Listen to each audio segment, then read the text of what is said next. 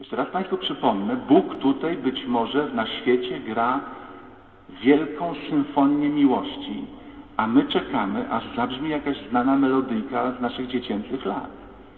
Jakbyśmy małe dziecko zapro zaprowadzili na koncert Prokofiefa Griga czy Gabriela Fauré i, i dzieciak by słuchał, słuchał, mówi, kiedy zaczną grać? Syneczko, oni już pół godziny grają. A on by sobie wyjął fujarkę i wlazł w kotek na płotek zaśpiewał. To jest muzyka, Boża muzyka jest na niesamowitym poziomie. Bóg przypomina, ja mam władzę. Wszystko idzie po mojej myśli. Bóg mówi, ja zwyciężył świat. Tylko poddaj się mojemu scenariuszowi. Poddaj się mojemu scenariuszowi. Jedenastu uczniów udało się do Galilei na górę, tam gdzie Jezus im polecił, a gdy go ujrzeli, oddali mu pokłon. Niektórzy jednak wątpili. Wtedy Jezus zbliżył się do nich i przemówił tymi słowami. Dana mi jest wszelka władza w niebie i na ziemi. Idźcie więc i nauczajcie wszystkie narody, udzielając im chrztu w imię Ojca i Syna i Ducha Świętego. Uczcie je zachowywać wszystko, co wam przykazałem.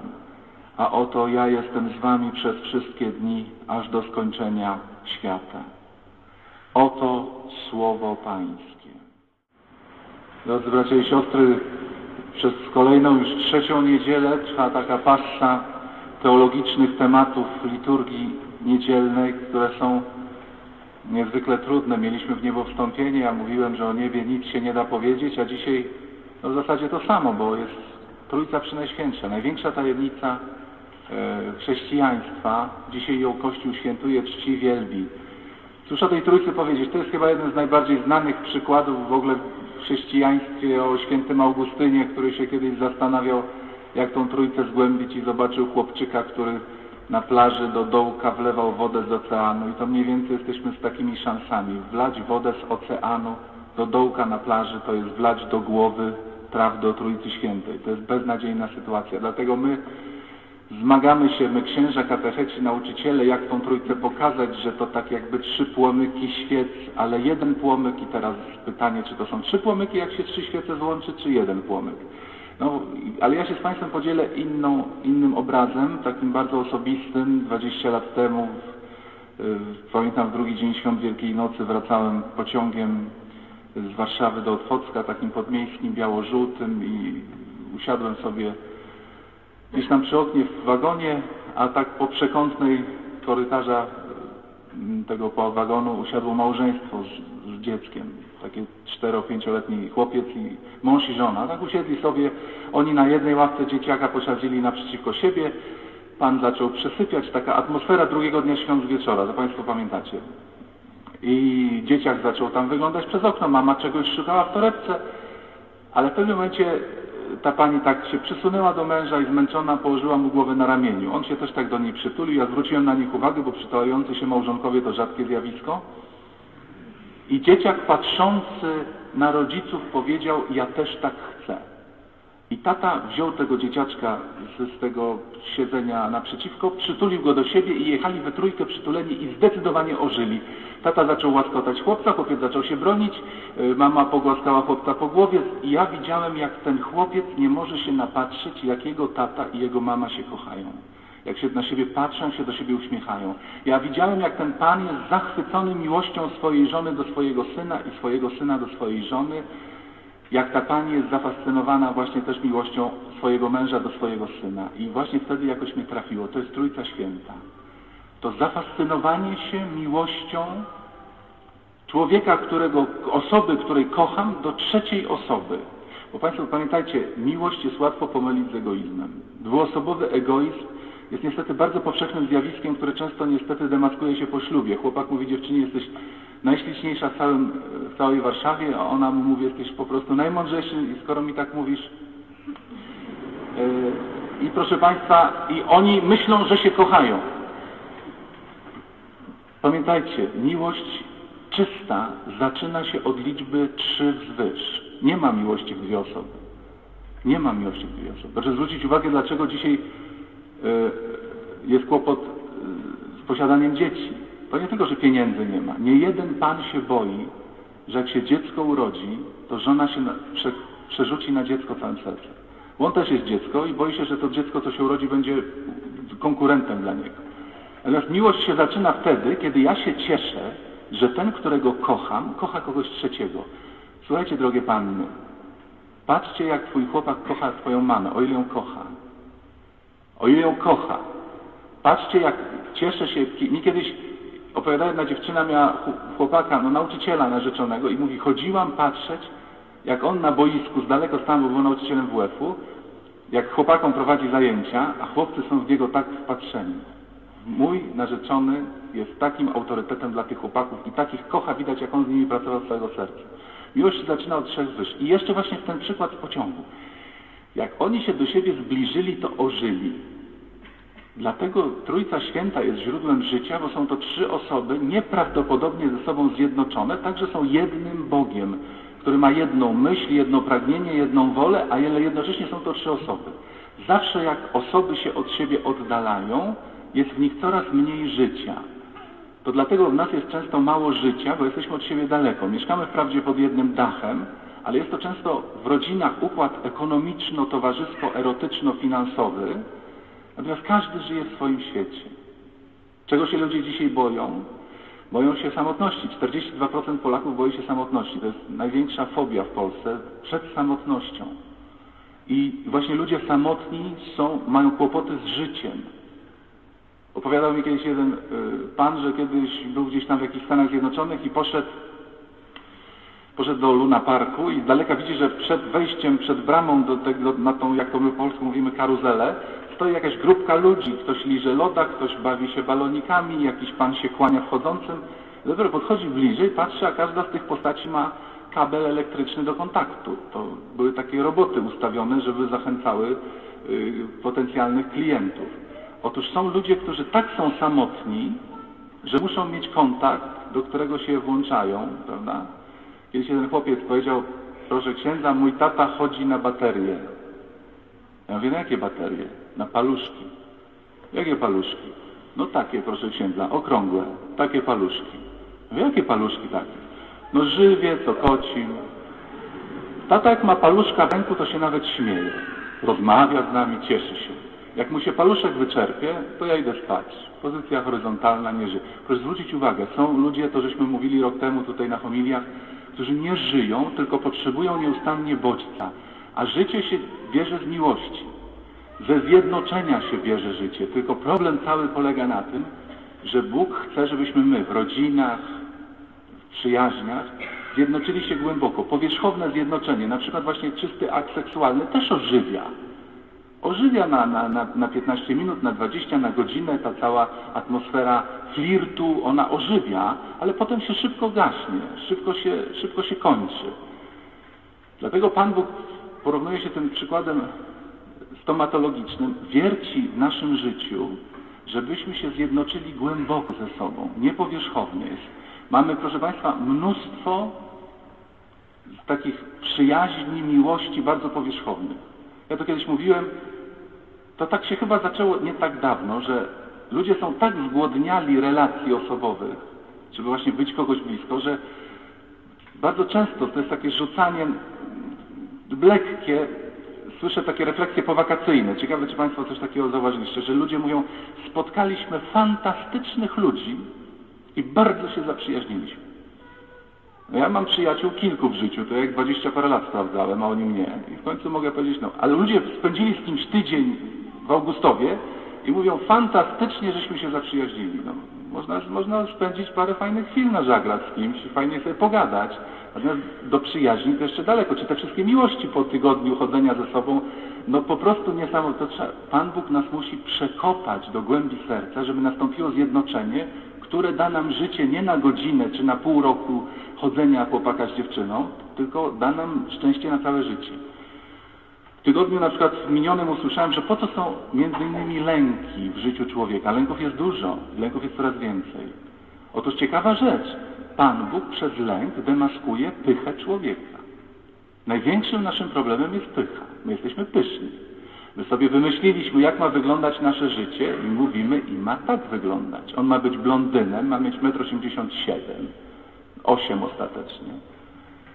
A Pan Bóg mówi, nie, będziesz samotna, ale ja Cię uczynię bardzo szczęśliwą samotną osobą i będziesz tam, powiedzmy, pięknie żyła. Nie, Panie Boże, lęk, cały się kurczę z lęku. Nie, ma być tak, jak ja wymyśliłem. A Pan Bóg mówi, nie będzie tak, będzie inaczej. I nasza pycha paraliżuje nas, po prostu się robimy bladzi. Prawda? Ja sobie wymyśliłem, że pójdę na te studia i jestem spanikowany, jak się nie dostanę. Pan mówi, nie dostaniesz się, pójdziesz na inne studia i będziesz szczęśliwy. Nie, Panie Boże, bo ja chcę iść na te studia i stąd się bierze lęk. I Pan Bóg tym lękiem wierci, żeby, żeby nam pokazać naszą pychę. Kochani, to są, tak jak wspomniałem, najtrudniejsze te nasze tematy o Panu Bogu, ale dzisiaj właśnie Kościół czci jedność, która jest pełną miłością i która jest pełnym, pełnym życiem. Ja mówiłem Państwu, żeby nie tylko w życiu religijnym ciągle koncentrować się na tym swoim ja, ja, ja, ja, moje problemy, tylko patrzeć na Pana Boga, bo jak podniesiemy głowę do góry, to stamtąd otrzymamy moc. To jest niesamowite, kiedy człowiek wpatruje się w Boga i nagle patrzy wokół siebie, Boże, problemy mi się zaczynają rozwiązywać. Ale kiedy właśnie podnosi głowę do Boga, kiedy się ciągle wawrze w tych problemach, to jeden rozwiązany produkuje pięć następnych. Podnieść głowę do góry, jaki jest Pan, kontemplować Jego piękno. W minionym tygodniu wpadł mi gdzieś tam w oczy taki fragment, to było wykorzystane w jednej z audycji Radia Józef Pana Tekielego. Wyznanie pewnej dziewczyny. Ja potem dzwoniłem do autora, żeby się dowiedzieć, co to za dziewczyna. Otóż to była dziewczyna taka delikatnie mówiąc rozrywkowa, która się w Medjugorje nawróciła. I przeżyła takie zderzenie z rzeczywistością Bożą, no ja śmiem twierdzić, że na poły jakieś wręcz mistyczne wrażenie. I ja spisałem z taśmy, jak co ona powiedziała. Przeszłam parę kroków. Wiedziałam, że jestem inna, że już nigdy nie będę taka, jak byłam. Kiedy tak szłam, dłuższy czas znalazłam się na drodze na polach, gdzieś tam w Medjugorje. I to było niesamowite, po prostu świat był taki piękny.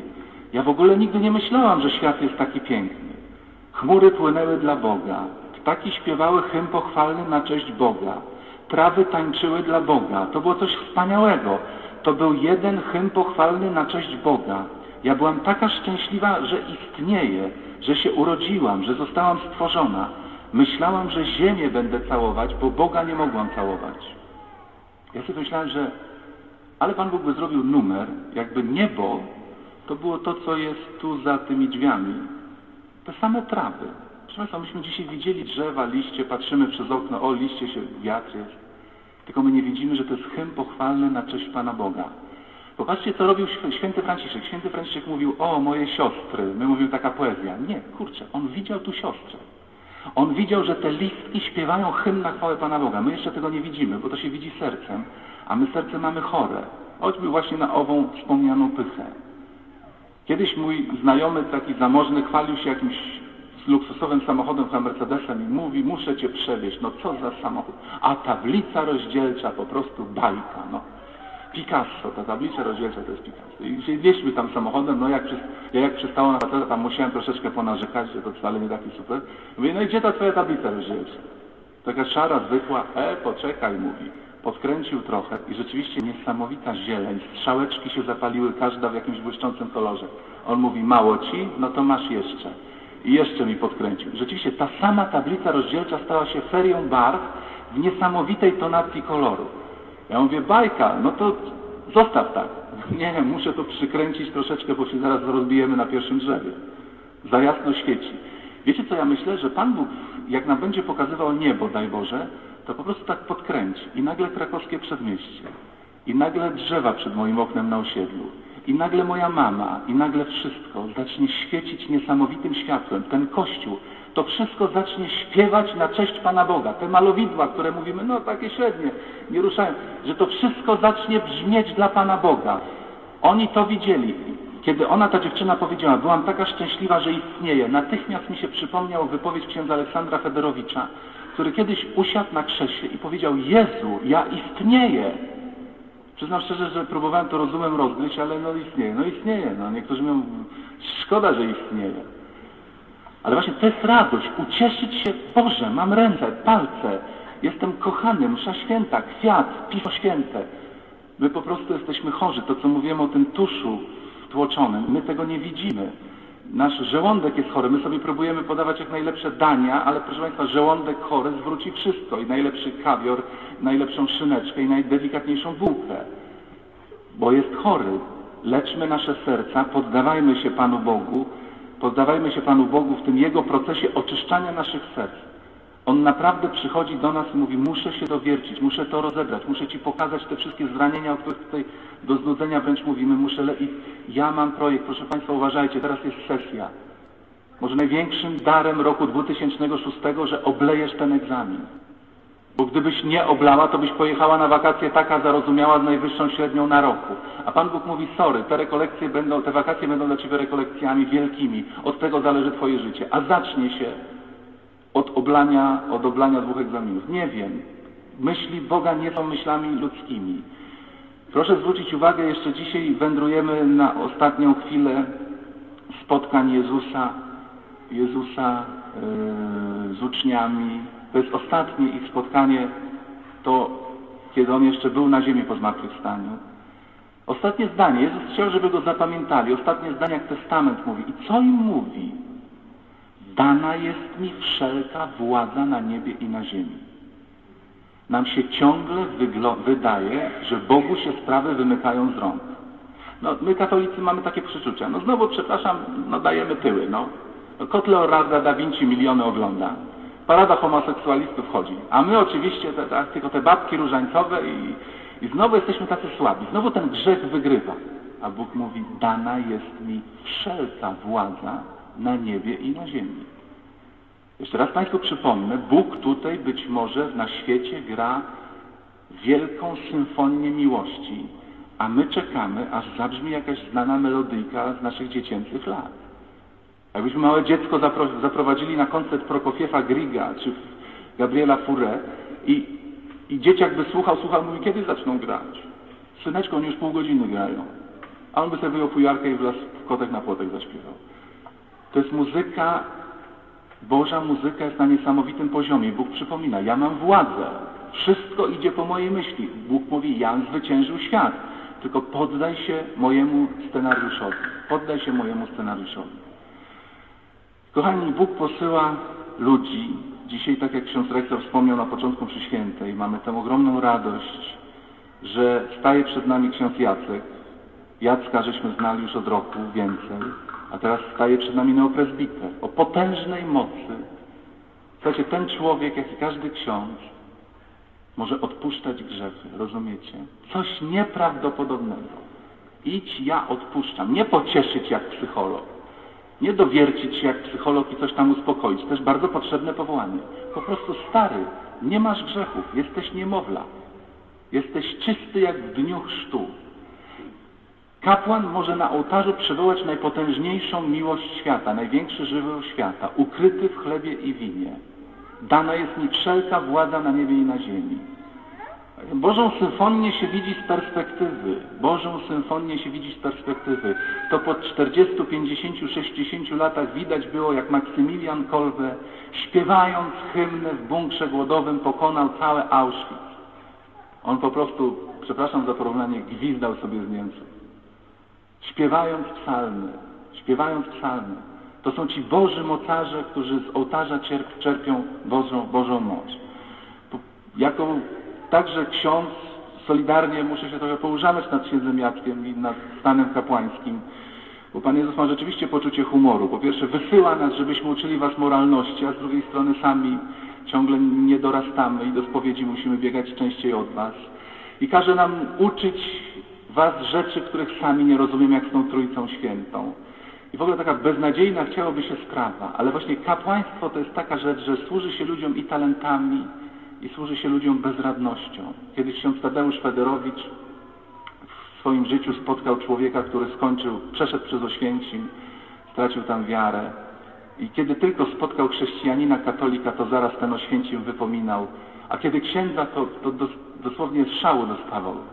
Jak spotkał księdza Tadeusza Federowicza, to powiedział, no i co księżulku, co księżulku?